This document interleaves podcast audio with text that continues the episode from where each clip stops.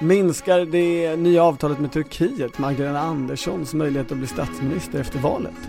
Och varför är abortdebatten så dum?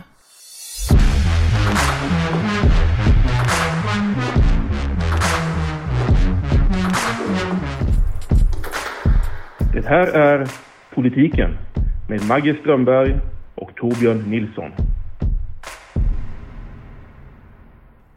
Maggie, lyssnade du på Sveriges Radios livesändning från Madrid igår kväll? Delar av den ja. Gjorde du det? Ja, Mm. jag lyssnade på eh, Stoltenbergs pressträff. Ah, men du, du missade det som var i början? Eh, Okej. Alltså det var så bra. Jan Andersson, reportern i fråga. Vilket jobb. Vad gjorde han? Vad sa han? Det var, Sveriges Radios, alltså tidigare Bryssel och NATO-korre, jag vet inte riktigt vad han, nu tror jag bara han är utrikesreporter, men han var uppenbarligen där. ja, det, var, det, var, det var fruktansvärt stökigt. Det var ju så här. Det, det, det kom en flash, nu händer någonting. Eh, det befann sig massa journalister i ett rum. In kom eh, Turkiet, Finlands och Sveriges utrikesministrar. Jag tror han sa att också eh, regeringscheferna eh, Eh, alltså, var med in i rummet. Eh, alltså Stoltenberg var ju där, Erdogan var där, Magdalena Andersson var där och Sauli Niinistö var där. Jag såg, Ja. jag såg bilder på detta. Du såg ja. bilder på det. Mm. Och, men ingen, ingen förstår någonting för ingen av de här säger någonting. Utan utrikesministrarna går bara upp vid, vid podiet och där ligger tre svarta pärmar och så skriver de sin namnteckning på någonting. Och så säger de absolut ingenting och sen går de därifrån. Och här lajvar då Jan Andersson eh, på, på ett helt underbart sätt. För sen så ska det, visar det sig att eh, då ska alla liksom, de ska säga vad det är de har skrivit under i ett annat rum, jättelångt bort i alla korridorerna här. Och då måste han springa dit. Ja, visst. och halvvägs, eller typ när han är halvvägs dit så eh, kommer ny information som är, det ska vara två presskonferenser. Så det är som att han måste klyva på sig och folk liksom eh, springer åt ena hållet i korridoren och åt andra hållet. Och under hela tiden så, så liksom pratar han Och får inte vara andfådd. Nej, han, eh, på slutet var han lite, lite andfådd. Och så ska han berätta, vad står det i det här avtalet? Fast det vet han ju inte än. För det är ingen som har sagt någonting om vad det är de har skrivit på. Jag tycker att det var en sån underbar illustration av, Hur jävla svårt det är att jobba på radio. eh, av hela den här NATO-processen. Den, den liksom slutar i en stum, ett stumt undertecknande. Och sen är det inget mer egentligen. Det var ju väldigt udda. Sen gick ju Oskar Stenström ut, alltså statssekreteraren i Ja. statsrådsberedningen och, eh, och läckte, eller berättade för alla svenska medier att nu har det här hänt eftersom alla skrev så här tyst presskonferens. Det var otroligt udda. Men eh, igår kväll blev det alltså klart att eh, Turkiet inte längre blockerar Sverige och Finland. Nej, det, det innebär ju inte att det är klart i den meningen att det ska till då en, en, en ratificeringsprocess. Ja, Där ju varje land ska säga ja. Så, Precis. så Turkiet har ju alla möjligheter att, att säga lite nej igen. så är det ju. De ska ju också ta ett beslut i parlamentet. Ja, Nu, det de har godkänt är ju nästa steg, att man ska bli en invitee. Ehm, men, och det kom ju då efter långa förhandlingar som man hade haft under flera dagar, först på tjänstemannanivå och igår då med eh, också utrikesministrarna och de här andra som vi räknade upp.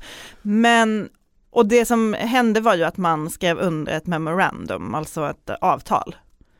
Och där fanns det ju många punkter som många i Sverige har haft frågor om vilka då? Ja men till exempel, kanske mest av allt så står det ju att man ska ha ett utlämningsavtal med Turkiet. Man ska också börja dela, ehm, alltså man, man ska också skapa ett eh, någon slags samarbetsorgan där man ska kunna dela information, både underrättelseinformation men också mellan polismyndigheter. Ehm, det handlar ju väldigt mycket om terrorism och PKK. Man lovar också då att man inte ska stödja de kurdiska organisationerna PYD och YPG. Och det finns också en punkt som handlar om eh, desinformation och propaganda som man inte heller ska tillåta mot Turkiet. Eh, och det här finns det ju en del eh, frågetecken, det var ju många kurder som reagerade starkt igår, såg man ju i olika, på olika nyhetssändningar och i sociala medieflöden och man undrar ju då vad betyder de här utlämningarna? Eh, vad är det för definition av terrorister? Va, hur ser man på yttrandefrihet?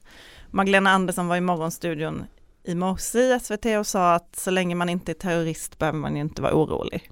Mm, eh, Okej, okay. det, eh, det, det beror ju på hur man definierar terrorist. Ja, och eh, de, de, det står ju också att man ska förhålla sig till eh, eh, de konventioner som finns i de här frågorna. Ann Linde lovade i P1 Morgon att grundlagen fortfarande gäller. Det känns också tryggt, eller hur? Har den varit på bordet undrar man ju då. det är i alla fall, det är tre A4-sidor eh, det här avtalet och frågan är ju någonstans vad får det för inrikespolitiska konsekvenser? Mm. Man kan ju tänka sig att det kommer bli en del upprörda röster i det socialdemokratiska partiet, där ju många står väldigt nära kurderna, inte minst eh, Peter Hultqvist själv har ju varit väldigt engagerad i den frågan, även Ann Linde. Turkiet var ju också en faktor i den eh, interna förankringsprocessen, men som då aldrig riktigt konkretiserades och lyftes som ett reellt problem, utan där sa man ju att det här, ja, det har väl upplevt sig många som att man faktiskt viftade bort den Ja men det, det är ju någon, det är någon underbar historisk ironi för, för om man tittar på hela NATO-processen så här långt så har den ju två eller liksom tre delar. Först en del där den socialdemokratiska partitoppen bestämmer sig för att NATO är det som vi behöver gå med i. Det är det bästa för Sverige. Och sen en andra del där eh, det här förankras i partiet. Och sen en tredje del där Sverige förhandlar och bråkar eh, eller Turkiet bråkar med Sverige och Sverige förhandlar och kryper på knä för Turkiet. I den andra delen så är ju en helt avgörande sak det här argumentet att eh, vi, vi ska absolut inte skicka svenska soldater eh, till Turkiet eh, för att eh, strida där. Och just Turkiet är ju då NATO-kritikernas, framförallt de socialdemokratiska NATO-kritikernas huvudargument. I, I meningen, de tar till ett land som är så hemskt och så otrevligt så ingen ska kunna känna att de vill vi ha någon slags solidaritet med. Eh, dit ska inte unga svenskar eh, åka för att dö. Men Och sen är det nu Turkiet som bestämmer villkoren för att Sverige faktiskt ska få, få sätta igång sin ratificeringsprocess. Vilket, vilket ju är så här, NATO och särskilt Stoltenberg går, eh, skryter ju med den här open door policyn. Eh, ja, det var väl en liten, det var väl en liten dörr som står på glänt möjligen och sen så står Erdogan och håller i den. Eh, och han tänker inte alls öppna den förrän han får det han vill. Men det andra jag tänker som har varit viktigt för, eh, vad ska man säga, alltså mm, den äldre generationen, alltså eh, kan man symbolisera dem med Margot Wallström kanske, men nu menar jag inte henne personligen utan den, den typen. Um, för den gruppen har det ju varit väldigt viktigt att den svenska utrikespolitiken fortfarande ska eh, vara som den har varit och vara aktiv och ligga fast. Och det här visar ju att det inte är så enkelt som man gav sken av under processen. Nej, och, och, för, och hela deras grej är ju någonstans att Sverige ska få definiera sin egen utrikespolitik. Ja, och, och det det här är väl motsatsen? kommer man ju inte få göra, frågan är hur mycket man har kunnat göra det, alltså även när man samarbetade med NATO påverkades ju utrikespolitiken, men, men eh, nej, det var väl kanske lite naivt. Jag tänker att det är ju också så att det här möjligen försvårar eh, regeringsbildning eller samarbete på, på vänstersidan i svensk politik. För är det några som liksom kan vara fullt kritiska till det här så är det ju Vänsterpartiet och Miljöpartiet som ändå inte har något, något behöver ta något ansvar för att Sverige har råkat säga inför hela världen att nu vill vi bli NATO-medlemmar eh, och, och, och, då eh, också ansvaret att faktiskt ta Sverige hela vägen in i NATO. Det, säkerhetsmässigt så blir det en lite komplicerad situation om man eh, i det här läget skulle bara säga, nej du Erdogan, jag, jag, tror de där kraven är lite för mycket, vi struntar i det. Vi, vi, vi går, går, inte med i NATO. Hur kommer, nej det, det är svårt. Men eh, alltså man kan ju tänka sig så här, Amineh Kakabaveh har ju eh, redan talat om misstroende mot Ann Linde. Det är ju svårt att se att kanske Moderaterna ska ställa sig bakom det i det här läget med anledning av detta. Eh, det, det tycker jag. Men Sverigedemokraterna, hur tror du de kommer reagera på det här? Alltså, är de som de är och säger sig vilja vara, då ska ju, så fort någon människa säger misstroende så ska, så ska ju de springa in i kammaren och trycka på knapparna för att, att få ihop de där 35 rösterna eh, för att man ska kunna väcka ett misstroende. Det finns ju en hel del kurder som är aktiva i SD ju. Mhm. Och eh, de har ju tidigare i alla fall pratat om en kurdisk stat, alltså det faller väl ganska väl in med deras nationalistiska Absolut, det, det har du rätt i förstås. Men eh, ja, det blir eh, väldigt intressant att följa detta, se liksom, konkretionen av det här avtalet. Vad kommer det innebära? Det här förändrar ju i någon mening dynamiken i NATO-frågan. Alltså tidigare så var det Vänsterpartiet säger fortfarande nej. Miljöpartiet eh, har ingen position, ingen åsikt, låter det vara. Men med de här eftergifterna till Turkiet så blir det ju ändå osmakligare i vänsterpartisters och miljöpartisters ögon. i Hela den här NATO-ansökan och nästa mandatperiod så är ju det den stora saken i utrikespolitiken som vi kan se. Alltså, ja, vi har också ett krig i, i, i Ukraina och sådär. Men det här är ju en fråga som en ny regering kommer behöva hantera. Men eftersom allt nu är som förr när Socialdemokraterna regerar ensamt så kanske de återgår till den där Vänsterpartiet och Miljöpartiet får inte ha någon inflytande över utrikes och säkerhetspolitiken för de är inte tillräckligt mogna för det. och, så, och så stannar det där.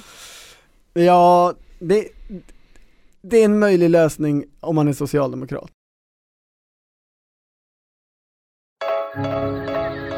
Ja, de som har röstat på fri abort kan naturligtvis inte vi acceptera som någon som kämpar för vad vi anser vara gott.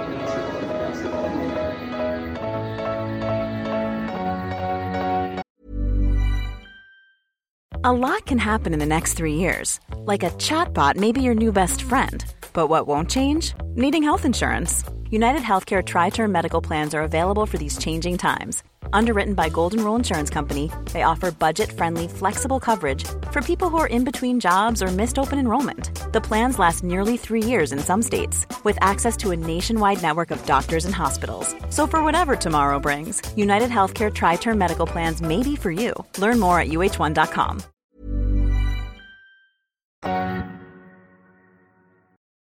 Ett säkert tecken på att det är valrörelse nu för tiden är att svenska politiker börjar prata om abort. Yes. Eh, Så nu vet vi att det är valrörelse, för den här veckan är det det enda de har pratat om.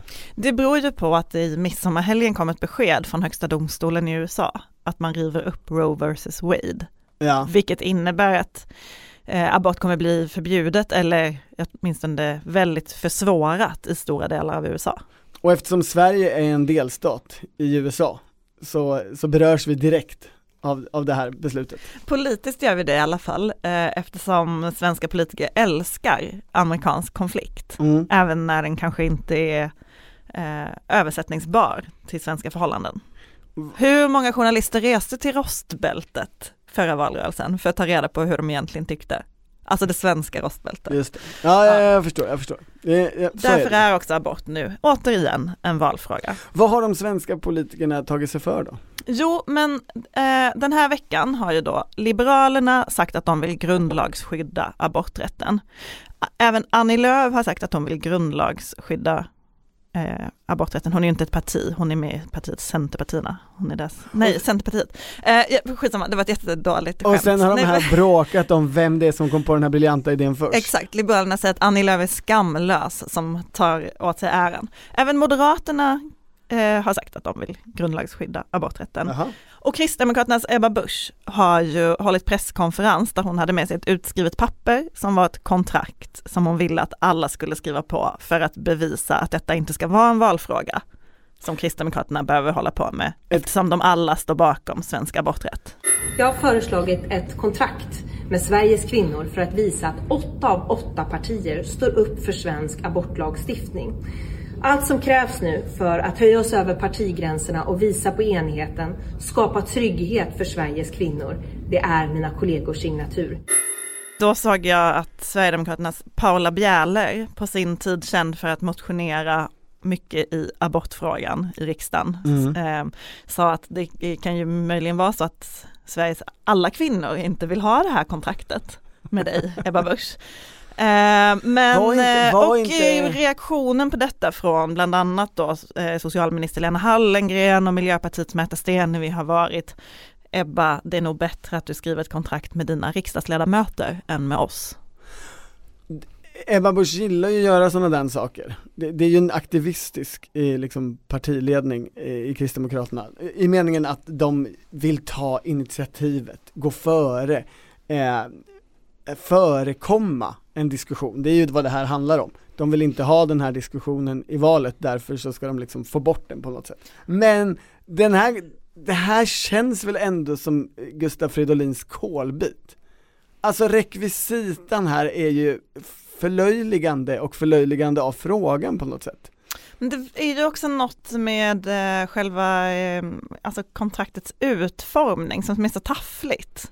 Alltså det finns inga, ingen som bevittnar, alltså det, Det finns, inga ingen, paragrafer. finns ingen stämpel, jag vet inte, det ser ju Nej, liksom... eh, Och det här har väl redan påpekats men alltså Kristdemokraterna har ju slutit ett antal sådana här avtal eh, på senare år. En hette decemberöverenskommelsen och det var Kristdemokraterna eh, som under champagneyra eh, upplöste det.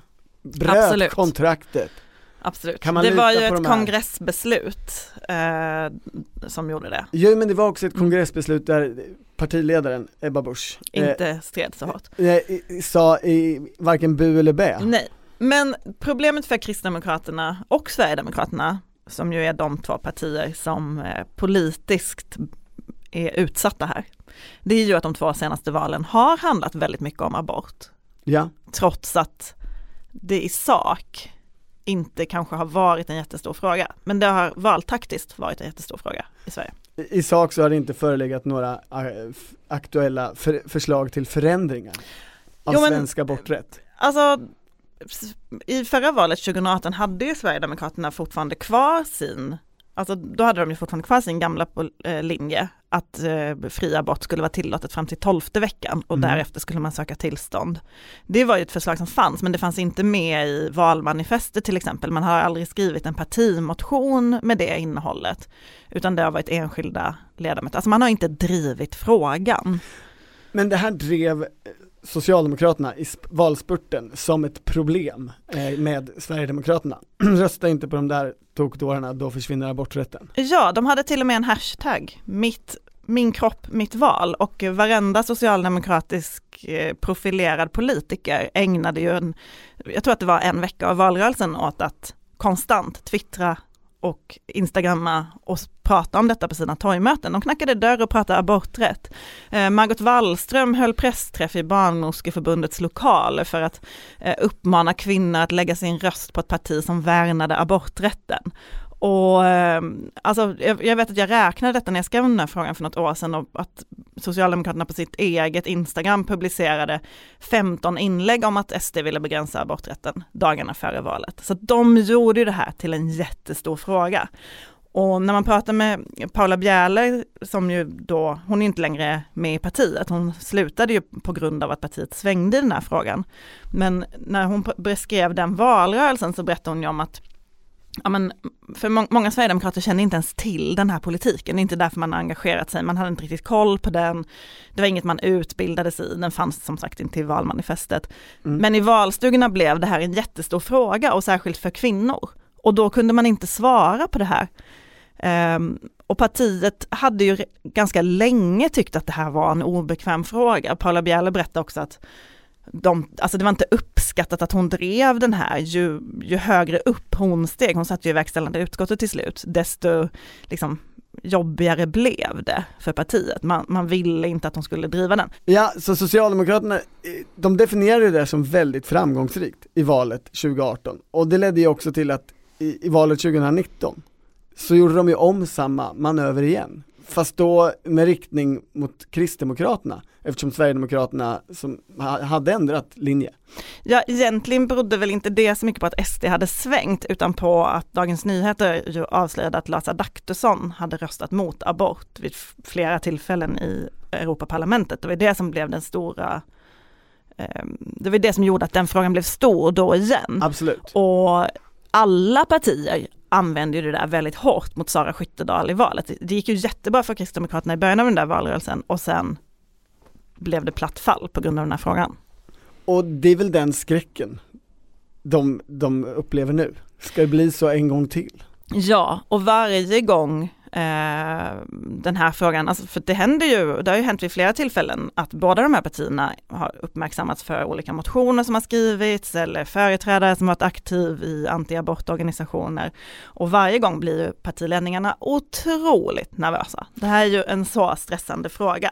Men, men den här veckan kan man ju se att de partierna har agerat fullständigt olika. Alltså Ebba Busch kliver då fram med, med det här kontraktet för att på något vis förekomma en, en jobbig situation. Sverigedemokraterna har man ju inte hört någonting om. Nej men jag såg någon pressekreterare som sa att Jimmie Åkesson nog skulle skriva på Ebba Buschs kontrakt. Han blir Ehm. kanske den enda. Nej men jag menar, alltså på många sätt och vis så får man ju säga att PR-tricket med kontraktet är framgångsrikt i den meningen att eh, alla pratar om det. Och på ett annat sätt så är det jättedåligt för att nu pratar alla om eh, Kristdemokraterna och abort. Vilket ju är det sista Kristdemokraterna vill att människor ska förknippa eh, med deras parti. Eh, Medan Sverigedemokraternas är så här, vi gömmer oss under en sten tills det här har blåst över. Har ju ändå lett till att det inte är, är, är de som står i blickfånget här. Mm. Alltså det, den andra, det finns ju en till i SD som har varit väldigt aktiv i den här frågan och det är ju Julia Kronlid Mm. som också har suttit på, på många tunga poster i partiet.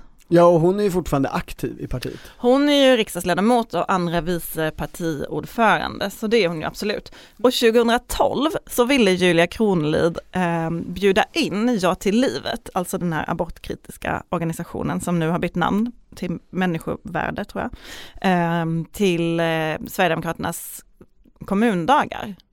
Men då sa Martin Kinnunen nej. Eh, han skickade ett mejl, det här har David Bas då avslöjat, ett klassiskt David Bas avslöjande i Expressen. Eh, där han skrev, abortfrågan är minerad mark och ska man ta sig an den ska det inte göras med hjälp av en organisation som har lika dåligt rykte som vi. det, det är Martin Kinnunen, jag vet inte om han var presschef Jo, han var presschef då. Men det är, det, är, det är underbart formulerade självinsikt där. Det är väldigt roligt. Men efter valet 2018 så gjorde partiet en valanalys som slog fast att man förlorade flera procentenheter på valfrågan. Och 2019 när man sen hade sitt eh, landsdagar, heter det va? Mm, ja. Då var det ju många som motionerade om den här frågan och sa att vi måste ändra hållningen i abortfrågan, det går inte. Eh, man får så mycket frågor, det stöter bort kvinnor. Så det gjorde man ju då, eh, rakt av och ställde sig då bakom den lag som finns idag. Men tittar man på, hur, hur, alltså på motioner och så, så är det ju fortfarande en hel del som skriver motioner om till exempel eh, sena aborter eller minska aborter eller så, minska antalet aborter. Men man står, står kvar, eller man står bakom lagstiftningen. Men det gör ju Kristdemokraterna också. Jo men Kristdemokraterna har ju gjort det i en evighet. Ja, men de kommer, det argumentet hjälper de ju inte i, i de här situationerna, tycks det som.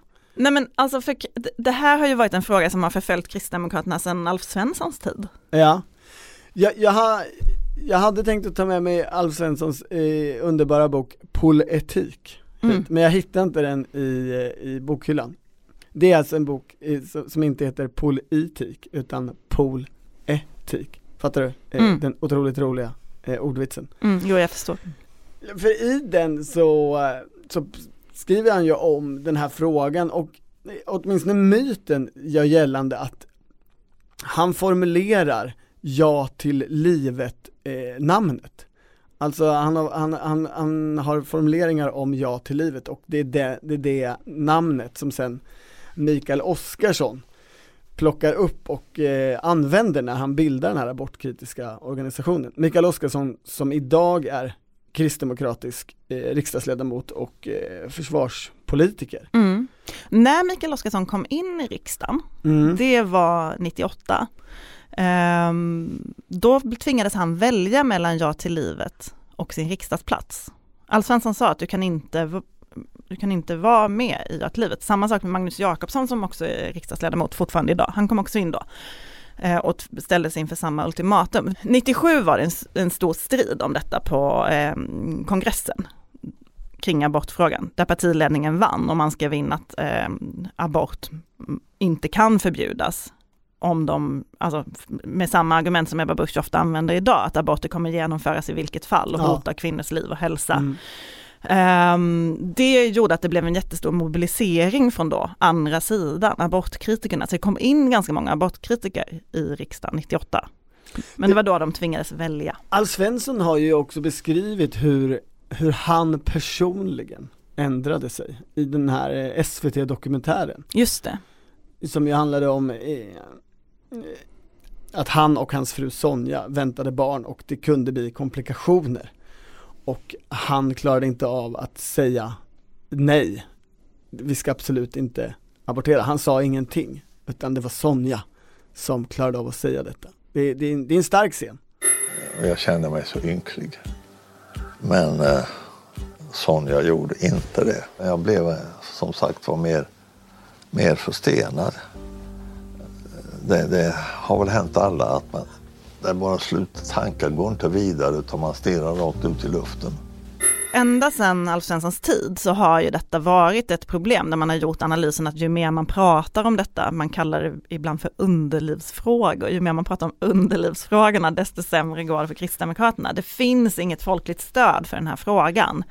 Ja, men- Eh, Det blir alltid problem, men sen har det ju kommit olika färgstarka politiker, Lennart, Lennart Sacrédeus till exempel, som ständigt lyfter den och påminner om eh, dubbelheten i Kristdemokraternas politik, för det finns det ju, eftersom de ju faktiskt har många formuleringar som eh, komplicerar abortfrågan i sitt partiprogram och i sitt eh, medicinskt etiska program. Ja men och det är ju någonting spännande i det där att Mikael Oskarsson behövde välja mellan Kristdemokraterna och Ja till livet. För samtidigt så har Ja till livet liksom i någon mening varit en stödorganisation för Kristdemokraterna. Så länge den har hetat det, under den tiden så hade de ju fyra ordföranden och alla har på olika sätt varit kristdemokratiska politiker. Eh, flera på, på låg nivå i, i kommun och sådär. Men det, det finns ju band och kopplingar som inte går att förneka heller. Absolut, så är det ju. Men, och det här etiska programmet är ju intressant. Som vår kollega Karin Turfjell skriver i Svenska Dagbladet idag så eh, vill ju Kristdemokraterna i sitt program eh, grundlagsfästa rätten till liv. Och det är ju något annat än att grundlagsfästa rätten till abort som nu diskussionen är. Eh, Det är ju väldigt tydligt i det här programmet, om man läser det, att man, till, att man ser det som att eh, alltså, livet börjar vid befruktningen. Mm. Och det är ju en, en central fråga i abortdiskussionen. Det- Ehm, och det är inte så tydligt i delen om abort, men de skriver också väldigt mycket om IVF, alltså assisterad befruktning. Och där skriver man att man tycker att det är ett problem att det finns ägg som befruktas utan att sedan användas i, när man gör IVF. Och, Och det är att- inte för att det är slöseri utan Nej, det Det är ju för att det är han, av etiska skäl, att det Mm. handlar om liv. Ehm, och därför vill man verka för ett samhälle som uppmuntrar till att skaffa familj tidigt, så att det inte behöver vara så mycket IVF. Jo men och här är ju, det är ju samma sak, de har ju också drivit under lång tid eh, samvetsfrihet för vårdpersonal, att inte behöva utföra aborter. Och för de som är absolut mest för abort så är ju det där ett sätt att Ja okej, ni vill inte ändra lagstiftningen men ni vill ju kringgå eh, och göra det svårare på olika sätt att faktiskt få utföra en abort. Och, och liksom det, den här frågan handlar ju väldigt mycket om liksom skuld och skambeläggning och i vilken grad kvinnor ska uppleva det när, när de aborterar. I sitt etiska program så skriver de ju också att de eh, vill införa stödsamtal som varsamt men tydligt ska lyfta fram det etiska dilemmat och tala om samhällets syn på människovärdet. Det finns ju också eh, förslag om att underlätta för unga föräldrar, även tonåringar, att fullfölja sin graviditet. Och det är ju en annan väg som eh, de som är kritiska till abort väljer att göra det, eh, att, att underlätta inhemsk adoption till exempel. Att på många sätt få fler aborter att inte äga rum. Vad tycker då Moderaterna om allt detta? Ja men Moderaterna är ju skitstressade över detta. Um, det, det, är ju väldigt tydligt. Uh, tydligast kanske det manifesterades uh, härom var det månaden, förlåt, NATO har sabbat mitt tidsperspektiv. Alltså när man tog, när man la förslag om den nya eh, alltså om, om möjligheten att göra abort i hemmet, som ju är en, en liberalisering av abortlagstiftningen. Ja. Eh, för de, det är ju ett problem för Moderaterna att de har då två partier i sitt underlag som ifrågasätts på den här frågan hela tiden. Och sen har de en ekonomisk politisk talesperson som, som trots allt har varit eh, aktiv i Ja till livet. Elisabeth Svantesson. Det är ju några år sedan hon var det, men hon har i alla fall den bakgrunden. Ja, och det är ju faktiskt en sak som lyfts när man pratar med moderater om henne ibland, alltså till exempel när det var, handlar om vem ska efterträda Anna Kinberg, vem som skulle efterträda Anna Kinberg Batra, eh, när det blev Ulf Kristersson, då lyftes ju Elisabeth Svantessons eh, tidigare historia som ett problem, för det här är en så eh, känslig fråga för svenska väljare, alltså för opinionen är det här en, en eh, det är avskräckande. Om Moderaterna har den här idén till ytterligare liberalisering, då, det kommer inte de kunna driva igenom tillsammans med Kristdemokrater och Sverigedemokrater. Ja eller? men alltså den här, den här frågan om då att kunna göra medicinsk abort i hemmet, där röstade ju både KD och SD, det röstade ju alla partier för. Och det säger ju ännu mer om hur känslig den här frågan är. Alltså det var ju Ebba Buschs abortkontrakt. Det var ju så här, vi tycker alla att det här är jättebra. Vi, vi då, har fin, inga... då finns det ju ingen diskussion egentligen, då är Nej, men, och, eh, pra, pra, Jag pratade med Camilla Waltersson Grönvall, Moderaternas eh, socialpolitiska talesperson om detta och hon sa att eh, till exempel det här som Kristdemokraterna då föreslår med samtalen, mm. det är ju hon helt emot. Hon skulle aldrig kunna tänka sig eh, någonting som kan skuldbelägga kvinnor. De är ju alltså när man pratar med Moderaterna om detta så är de ju väldigt, väldigt hårda. De tycker att det är, de är otroligt noggranna med att markera att de inte ska wobbla. Men har inte frågan. då Socialdemokraterna ett problem här egentligen? Att de får, eh, nu bränner de det här kortet för tidigt. Om det här är, är i första hand, eh, så att säga, en pseudodiskussion som, som är bra för vänstersidan, eh, ju närmare det, en, en, val, en valdag man kommer.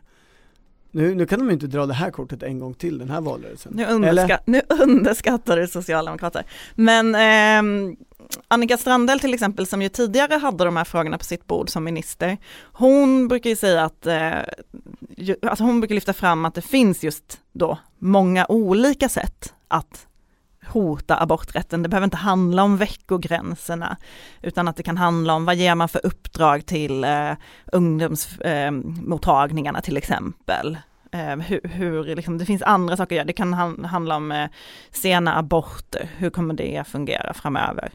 Eh, så att det, hon, det, Socialdemokraterna menar ju att det finns ett eh, ett rejält hot som man ska vara på sin vakt mot och att det kan gå väldigt snabbt. Det, alltså det som är eh, grundläggande för att den här frågan ju inte, alltså för att aborträtten faktiskt inte är hotad i Sverige, är ju opinionen. Det är en så otroligt stark opinion för rätten att göra abort. Ja. Men jag pratade med en statsvetare som har undersökt den där opinionen och som hade eh, brutit ner den och ställt andra typer av frågor. Och när man frågade till exempel, tycker du att det är rätt med könsselektiv abort? Mm. Då blir ju folk mycket mer skeptiska. Alltså man, tyck, man ser ändå olika på abort beroende på av vilka skäl de görs. Och mm. det är också en fråga som har lyfts i debatten nu. Måste man förtjäna sin abort? Måste man göra abort av rätt anledning? Eh, den typen av, av eh, eh argument, alltså debatten är ju lite på väg ditåt. Ja men tänk om mamman är sjuk, tänk om eh, eh liksom, ja. Men då kanske det finns en svensk abortdebatt eh, som så att säga är eh, intressant i sak och som inte handlar om vad högsta domstolen i USA eh, har gjort.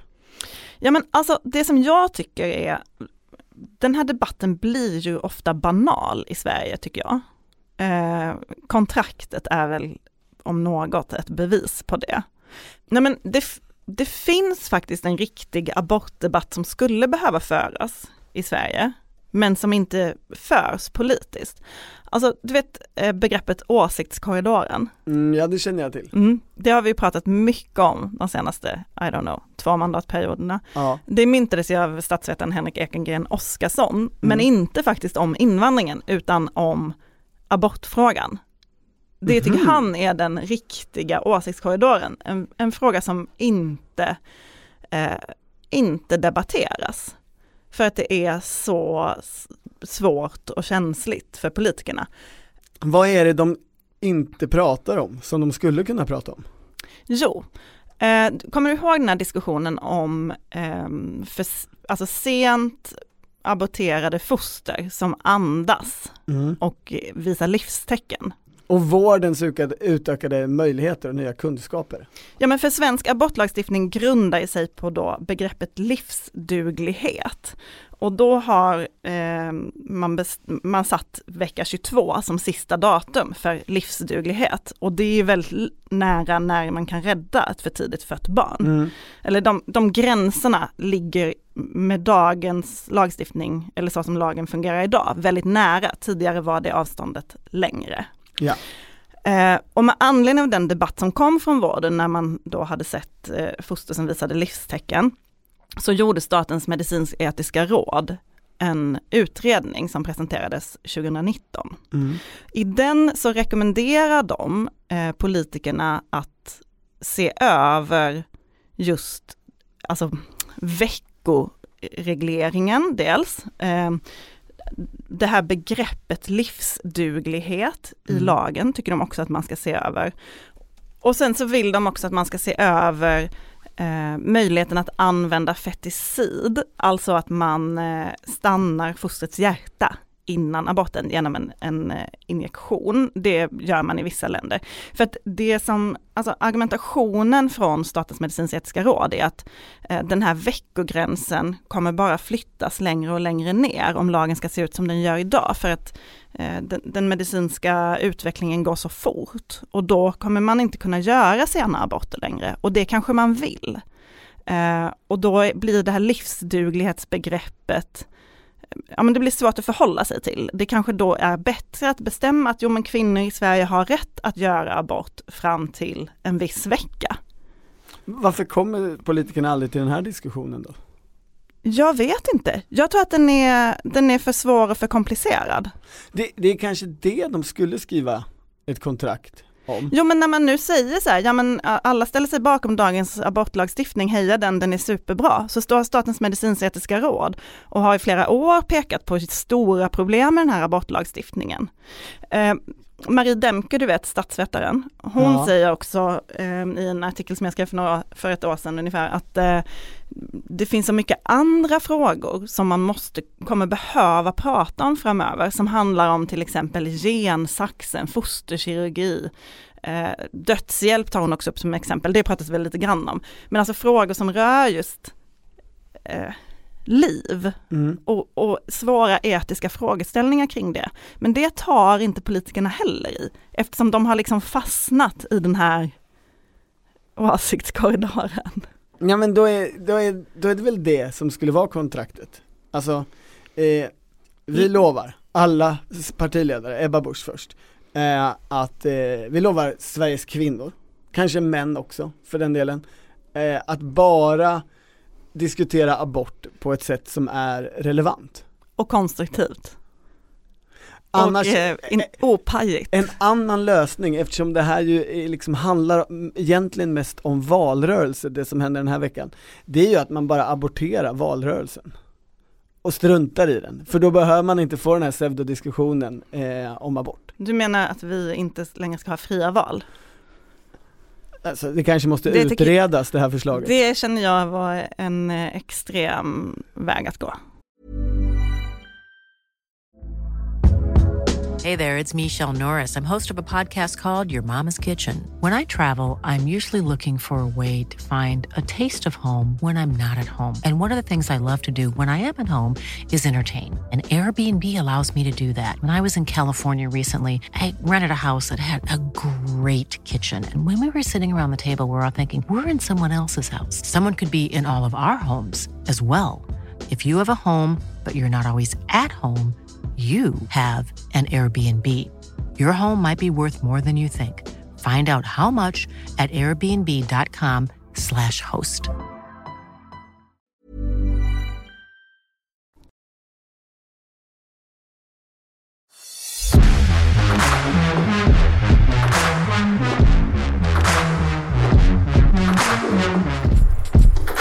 Lyssnat på Politiken, en podd från Svenska Dagbladet. Producent var Martina Pierrot, ansvarig utgivare Anna Kareborg.